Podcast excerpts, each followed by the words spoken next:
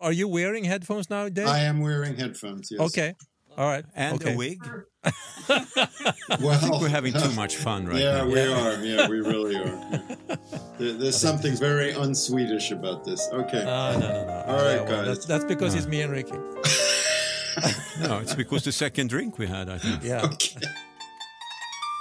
När det gäller vårt första avsnitt så har jag fått frågan om vi på podden menar att allt elände som har drabbat det palestinska folket, det är helt deras eget fel.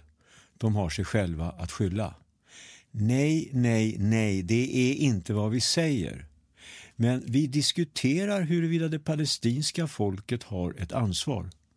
Och i det ansvaret ligger kanske att inte tillåta att det går 16 år utan några val. Och i det ansvaret ligger kanske att inte tillåta att en väldigt korrumperad och väldigt våldsam regim får sitta kvar i Ramallah. Det var allt och nu över till Magnus. Right. Thank you, Ricky. And let's go over to the United States of America and Washington, D.C. And at the shores of the Potomac, we have today's guest, Dave Pollock and Gait Alamari. Welcome to the Middle East Podcast. Thank you. Thank you. Okay, so it's my honor to ask the first question, and I have to backtrack a little bit.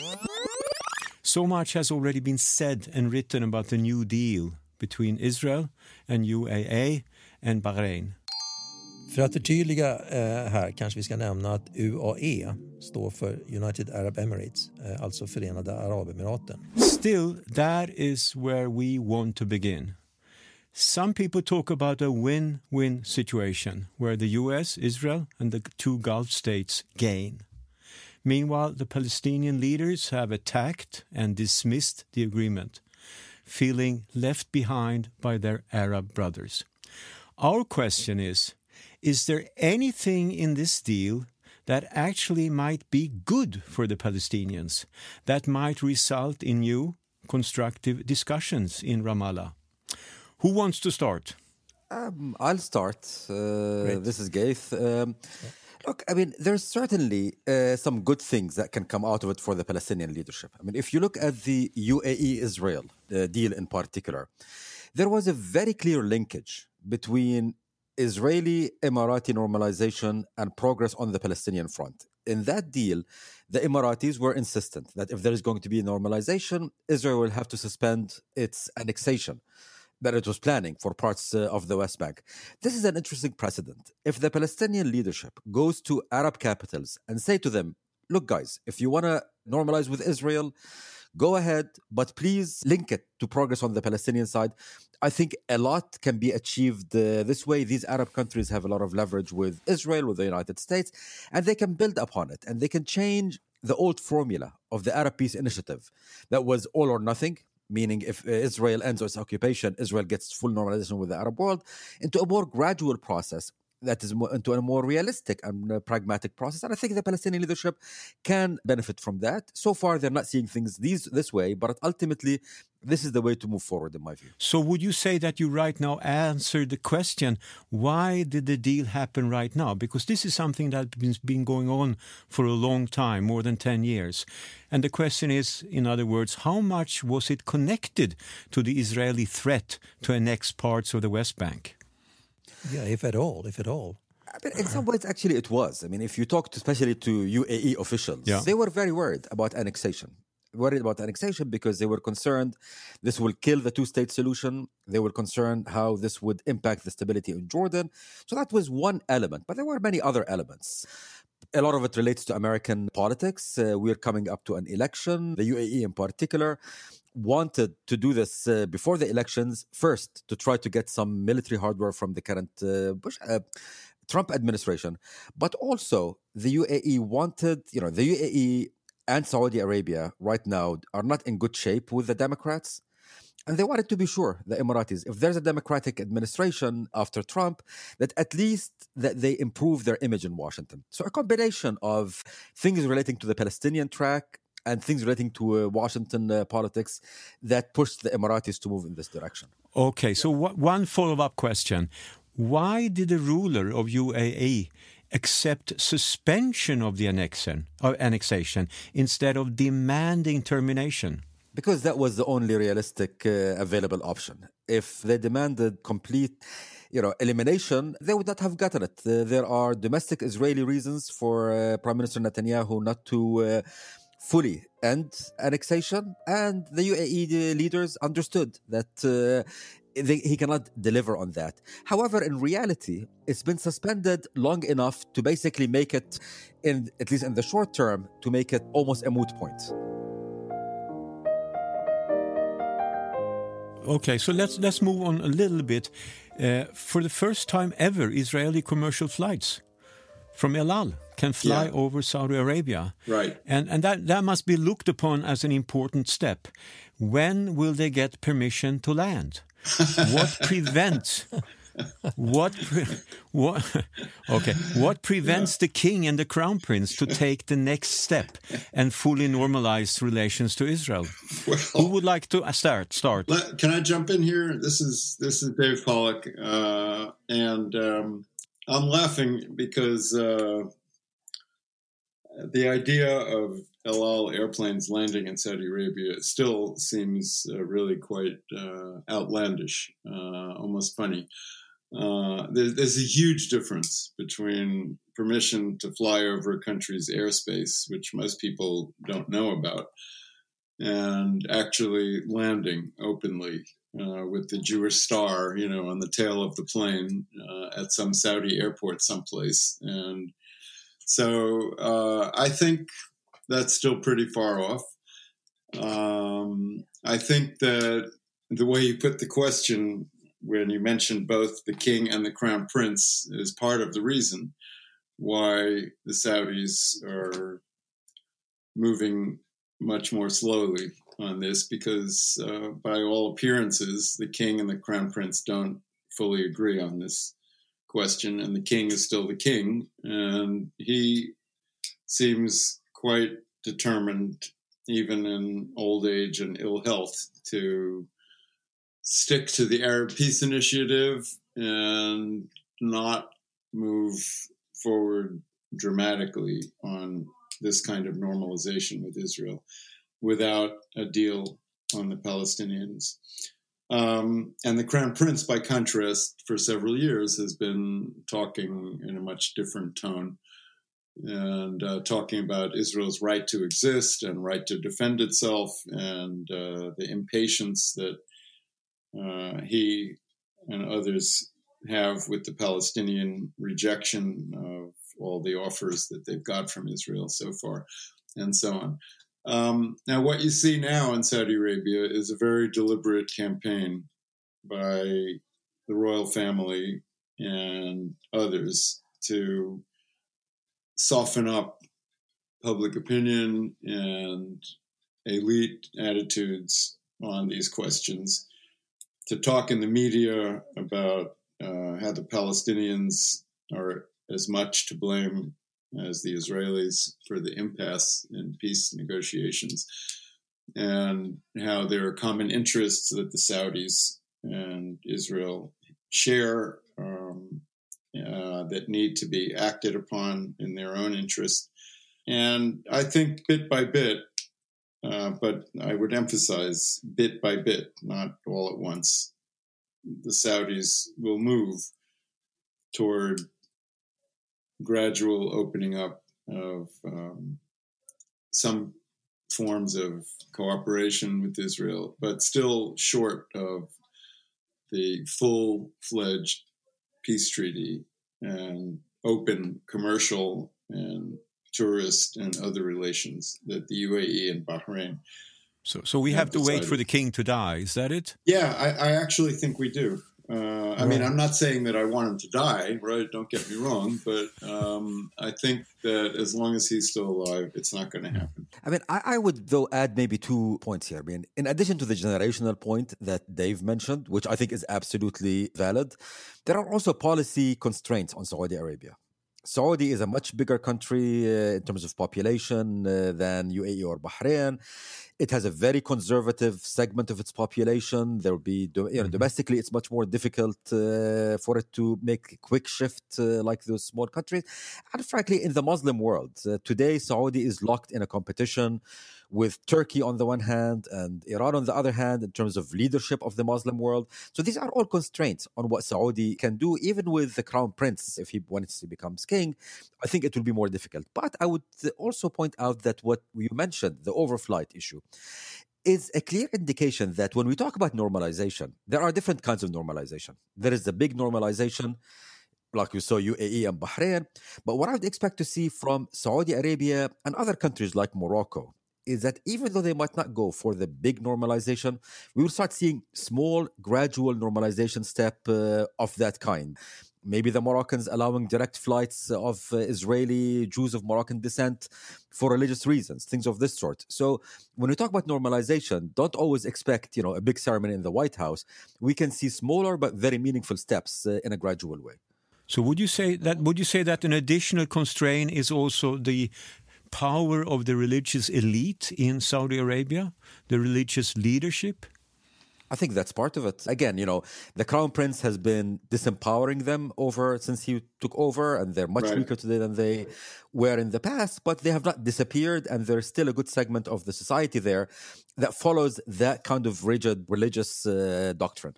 Mm. Yeah, but if I can, if I can pivot back to the to the Palestinian stand, you mentioned the fact, Dave. You mentioned the fact yeah. that um, there is a conscious effort here. Yes. In in sort of preparing, yes. if you like, the population for right. a you know a gradual yes. normalization. Yes. Why? Yes. That is something that the, the the, the Palestinians hasn't really tried in that sense, in that way. I mean, it, it it's you know gradually preparing the people for uh, kind uh-huh. of normalization, whatever you like it. Yeah. And and and you know, isn't that something that needs to be done before you can move ahead. Uh-huh. Uh, right. okay. if, if, you look at the, uh, this, this is really a question for both of you because if you look at the, yeah. the you know the initial reactions from from from the PA. PA som nämns här betyder alltså Palestinian Authority och vi använder även PNA, alltså Palestinian National Authority ibland the you know the initial reactions from from from the PA yes. it was very negative right it was a, a stab in the back and right. and uh, and they condemned yeah. normalization and so forth and so on yeah and, of course that that's that seems to me to be a very clear indication that that you know this is still that kind of move is still way off um, you need that you need that preparedness don't yeah, you, you need do. that you need to prepare yeah. the population for for yeah. change um, okay so there are a few quick things that I would say in, in reply. Um, some replying to what you just asked, and some just adding a little bit to what Ghait was talking about a moment ago. Uh, on preparing the public and the elite, um, yes, you're, you're absolutely right. The Palestinians have not only not been doing that, but they've actually come out very actively, at least so far, against this gradual process um, by other Arab countries and even by their own people. you know, the, yeah. the Palestinians' authority. Uh, I'm not even talking about Hamas, which you know continues to reject, in principle, the idea of permanent peace with Israel. Uh, but the Palestinian Authority in Ramallah is also, uh, while it claims to abide by um, the principle of agreements with Israel is actively discouraging its own people from uh, normalizing, as they call it, their own personal or business or other relations with Israel, and has taken steps in the last few years to reduce its own commitment even to the agreements that have already been made by the Palestinians with Israel. Um, and all of that, of course, in, in response to what they see as a concerted campaign by the Trump administration, uh, along with the Israeli government, to cut back the Palestinian issue to its minimal dimensions and deprive them of what they see as their basic rights. So they have reasons for acting this way, but I do think it's ultimately really self defeating. Um, they're not going to be able to stand up to the combined power and intentions of Israel, the United States, and uh, many of the major Arab countries. Um, and their best hope is that under right now is that if Biden does become the U.S. president, that the U.S. government will take a new look at the whole Palestinian issue and come down more in their favor.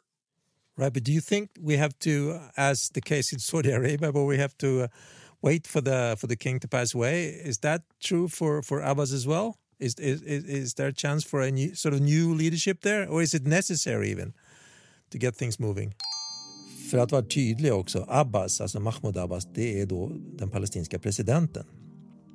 I, it's a, I'll just continue and then turn the floor back over to Faith or somebody else. Um, I, I, I think that Abbas is um, mostly paralyzed on these issues and unwilling to take any decisive steps uh, backward, forward, sideways, or anything. And so, yes, I think it will take a new leader to make a decisive break. However, mm-hmm. short of that, as Ghait was saying about other Arab countries, there are intermediate steps between a complete shift and just a complete impasse um, or status quo. So, if Biden is elected, I'm quite certain that Abbas will find a way to come back to the negotiating table, at least with the American government, if not with the Israeli government.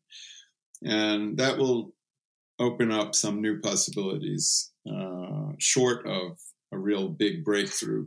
And I think that um, it, the flip side of that, though, is very complicated because at that point yeah. there will be uh, tougher questions about whether and how much the Israeli government will be willing to play along, and even how much some Arab governments will be willing to play along with the different American administration that they see as potentially much less friendly to their side of the story vis a vis Iran or the Palestinian issue or all kinds of other things. Um, so I, I, must say I'm, I'm really quite struck, and I'll end with this. In, in the last uh, few weeks, in my daily appearances on Saudi television and Emirati television programs in Arabic, I'm, I'm really quite struck at how very, very hostile um, many of their commentators and experts are to um, possible Biden administration uh, coming into oh, really? power in Washington. Okay. Yeah. Mm-hmm. Do you agree with that, Ghait? You agree with that? Uh, in terms of the Gulf, for sure. I mean, mainly yeah. in Saudi yeah. Arabia. I mean, if you watch, if you uh, read Saudi uh, media, it is to the right of Fox News. I mean, it's very uh, uh right wing when it comes to American not, politics. Uh, not, not, when I'm on the air, please. no, that's true. Uh, You're balancing it out. yeah, right. Yes, we need an American to balance I'm, it out. I'm, I'm, yeah. the, I'm, the, token. I'm the token moderate. Yeah, exactly. Um, but look, I mean, on the Palestinian side, look, I mean, look, people change, and uh, Abbas could change, but as we see him right now, he will not shift. No, he will no. not shift. Look, partly, I understand it it's not like Bibi Netanyahu himself is such a keen peacemaker. That's uh, right. but That's more than that, and that relates actually to a previous question that you had. Right. Look, you know, there are two ways of making peace. You can prepare your public and have a peace that is driven by the grassroots. The problem with that, of course, it takes a very long time. It's almost generational. Or what you can have is the normal model that we were used to, like Egypt and Jordan, where you had the leaders make peace and the public would follow or not follow, it doesn't matter. Peace is made. The problem with this, though, I, I just have to ask: Do you feel that that's the case with UAE? that the um, leaders have decided and the no, people no, uh, UAE, either don't know or they're not supporting the new peace no, no, deal. No, With the UAE, as Dave mentioned, there's been a long conditioning uh, process that's been happening now for a number of years. But uh-huh, look, I mean, right. To, to be able to have a leader make that decision, the leader has to have domestic legitimacy. This is what Sadat had. This is what King yeah, Hussein had. Absolutely. Mm-hmm. Abbas doesn't have it. Absolutely and this right. is the main challenge right now. You need a Palestinian leader, if uh, who does not only pre- uh, you know prepare his public, but who has legitimacy within his public. And this is one of the key issues that we have right now in terms of moving forward. The question of legitimacy on the Palestinian side, again, the Israelis have their own issues. But on the Palestinian side, I don't think Abbas can rebuild his legitimacy as long as, you know, he's around. So we will have to wait for someone else. And even that next person will take a while to have the gravitas to make this kind of uh, okay. but if, if i may ask you just very concretely is there at this point a candidate you know a successor of mahmoud abbas that significantly differs from the views of abbas who and in other words who represents another policy which might lead to real change. Is there that kind of candidate at this point? First of all, we have no idea who's going to be next after Abbas. um, Wait, but... Ghait, you're not supposed to admit that. I, I, just wrote like a 5,000 word essay saying that we don't know. But okay. Uh, you, you spilled the beans, Ghait. You spilled the beans. no. Uh, but look, I mean, if you look at the potential candidates, many of them are much more pragmatic. Many of uh-huh. them, when you talk to them today, are very frustrated with many of Abbas's policies. Maybe not on the big issues, you know, Jerusalem, refugees, those big issues, but on the day to day issues uh, in terms of relations with Israel, security cooperation, taking Palestinian money mm. that's owed to them by Israel.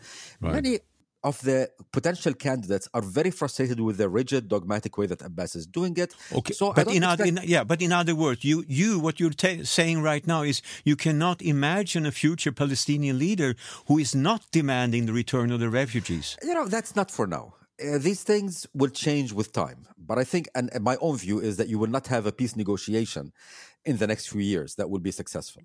So I think these kind of views will change over time. But what matters now is how the next Palestinian leader reacts to the immediate challenges of governance, mm-hmm. managing relations with Israel, and preparing the ground for a point where we get to negotiations. Once we get that, I think all possibilities will be open.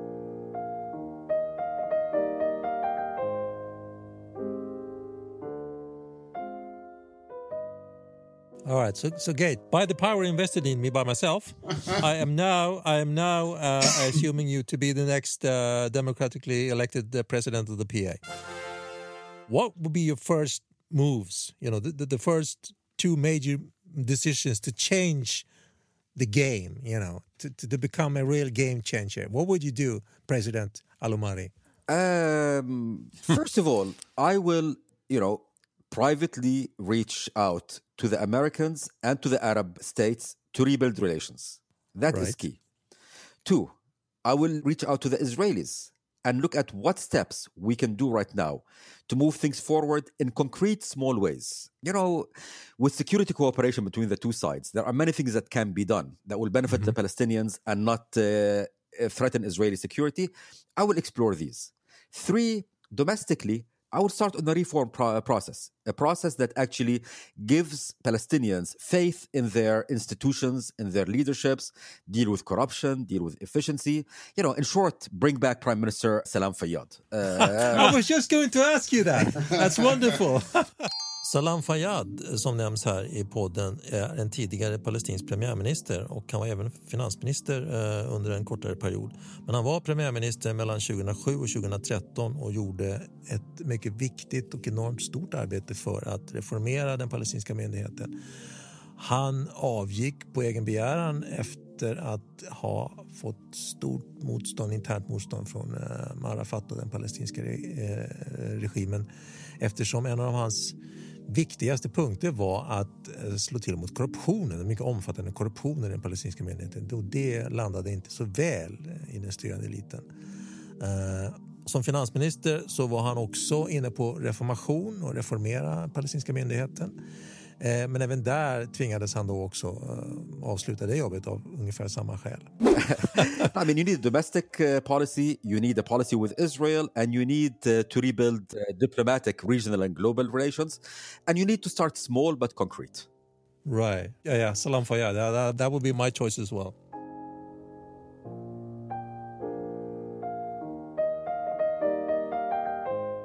Okay, so David, we talk a lot about the Palestinian leaders, Right, but what right, about the people? What about you people? know? Yeah, I do. You know, have done, yeah, you have done opinion polls in the Palestinian areas for almost ten years, No, right? no, no, that's not No. true. I've done uh, Palestinian polls in the Palestinian areas for 25 years. Twenty-five years. yes. Wow. Yes. Okay, and and the last, the yeah. latest one took place in February. Uh, yeah, that's right. Yeah. Okay, so maybe you could tell Yeah. the listeners Sure. briefly Okay. what kind of future the Palestinians want today. Okay. A two state solution, a single binational state, or something else? And also, in Yeah. addition, are they willing to use violence to get there? Okay. Um, well, first of all, uh, these things change. Um, so if I tell you what the Palestinians are thinking, and I think I, I can and I will tell you that in a minute, right now, that doesn't mean that that's what they used to think a few years ago or that that's what they will still be thinking a few years from now. Their attitudes change depending on what they see as the realistic options that they have and the responses that they're likely to get from Israel or from others and uh, their overall situation. So we shouldn't take any of this as a kind of, uh, you know, now and forever. Okay, so having said that, I'll tell you what they think now. They, in general, the Palestinian public is, as Ghait just implied, I think, um, considerably more flexible, pragmatic, moderate on tactical issues than its own leaders um, right now. But on long term issues and issues that the Palestinian people in the West Bank and Gaza and East Jerusalem tend to see as matters of principle or rights that they have. The Palestinian public actually, I'm sorry to have to say this, but my polls and other Palestinian polls uh, demonstrate very clearly the Palestinian public does not support a two state solution as the permanent peace with Israel. Today, that idea that a two state solution would be the end of the conflict with Israel attracts only a minority of Palestinian people. So you have I, less than 40% now of the Palestinian public who say that they support a two state solution as the end of the conflict with Israel. Uh, instead, what do they want? Well, uh, one state solution in which uh, Israelis and Palestinians would share the, the whole country, the whole historic land of Palestine, with equal rights for the two sides, has gained some popular support, but not that much. And that's because they don't believe that this is a realistic option. And I think they're right. uh, so uh, the Israelis, the Palestinians say, and my polls actually ask them, do you think Israel would ever allow a one state solution in which the Palestinians have equal rights? And the Palestinians say, no, not going to happen. 70% are convinced that that will never happen. And I agree with them. And so if you ask Palestinians what they want in the long term, the answer that now attracts majority support, or at least plurality support, um, around half of the public, is that someday the Palestinians want and expect to take over all of historic Palestine once again, to get rid of Israel. Not necessarily to get rid of all the Jews or the Israelis, but to take over Palestine from the river to the sea for themselves. And if you ask, well, do they really think that that's a realistic option? Then the answer is, well, probably not anytime soon. But if you ask them what they expect to happen and what they would like to happen in 30 years or in 100 years, then the answer is yes. Mm-hmm. Okay, so let's move on to another possible peace. Uh, now and then there is talk about a peace conference between Hamas and Fatah. Fatah-Hamas-konflikten är alltså en konflikt mellan de två största politiska partierna i Palestina. Hamas styr i Gaza och Fatah över Västbanken. Do we fool ourselves when we expect them to agree and unite Palestine? I mean, maybe this is a conflict that cannot be solved, which is hard to accept. I mean, you know, we are in Sweden, and here Right. we have this saying, this outlook there is always a solution. Right. But maybe it's not. Um, look, I mean, I am. Like, I mean, you can never speak about forever. Forever is a very big word, but uh, for the time being, it is just impossible to imagine uh, Hamas uh, PA reconciliation for a number of reasons. First of all, their basic political agendas are totally incompatible. One party talks about, uh, you know, a two-state solution to be reached by negotiation to create a secular Palestinian state, you know, socially conservative but secular. Another one talks about, uh, you know, violence and terrorism to create one state, i.e., to destroy Israel, and this state will be a theocracy. I don't see how you can reconcile these fundamental differences. But more important than this, maybe, the fact that uh, neither side right now has sees any political benefit from reconciliation. Hamas is very secure in Gaza, and why should they allow the PA back in? And the PA is very secure in the West Bank. Why should they allow Hamas in? And even more important than that, you have the fact that Hamas has a militia. And my experience with Middle East politics that guns and politics do not mix well. Look at Hezbollah, look at some other models. So even if we see the political sides agreeing on reconciliation, the military wing has its own veto power. And again, when things uh, get to a crisis, the temptation to reach out and start shooting is too much. And I would even add that I don't think it's desirable right now to have reconciliation.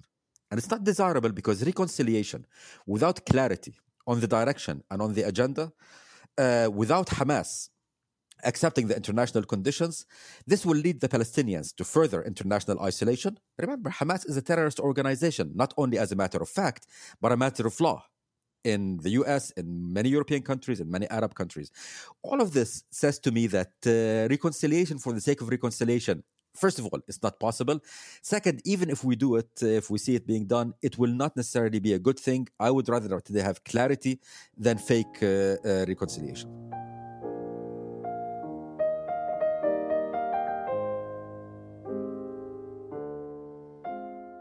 And now I sort of move, want to move out of the Middle East. Okay. There is a recent photo that one can be easily moved by. I was.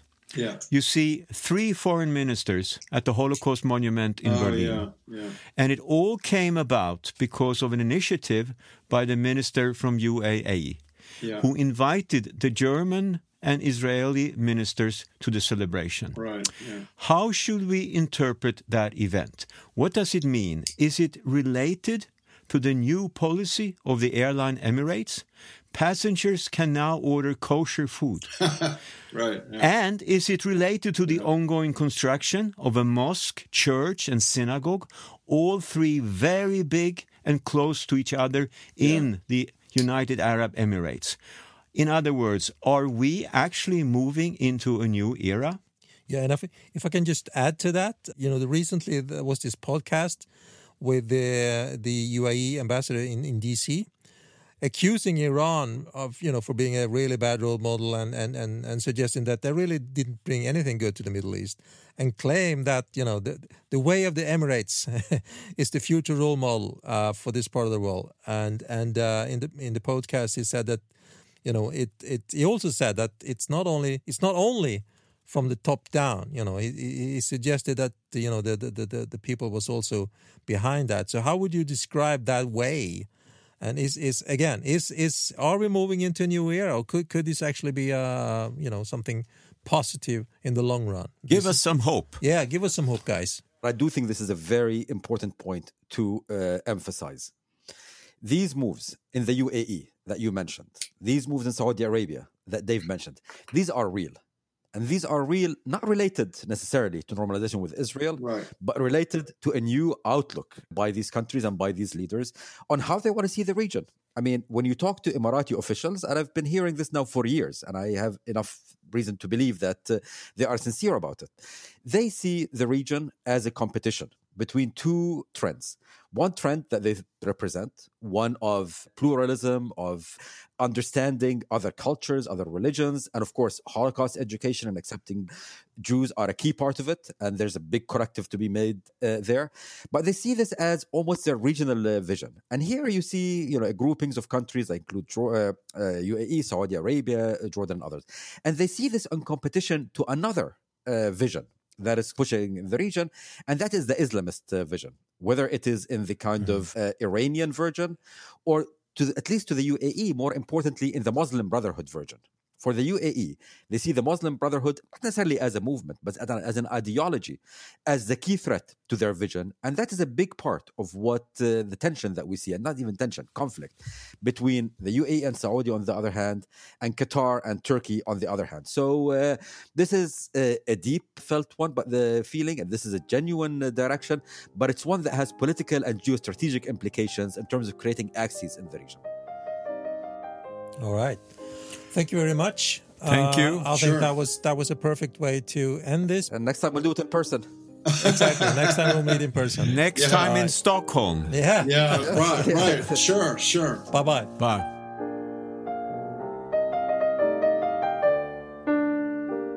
Nästa avsnitt i Mellanösternpodden kommer den 12 november och då kommer vi att tala med professor Elham Manea från universitetet i Zürich.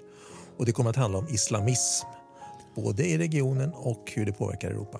Och det kommer också handla om, kan man föreställa sig att denna religion går igenom en upplysningsperiod? Kan man föreställa sig att islam kommer att reformeras på något sätt? Välkomna då! Creedcast Productions.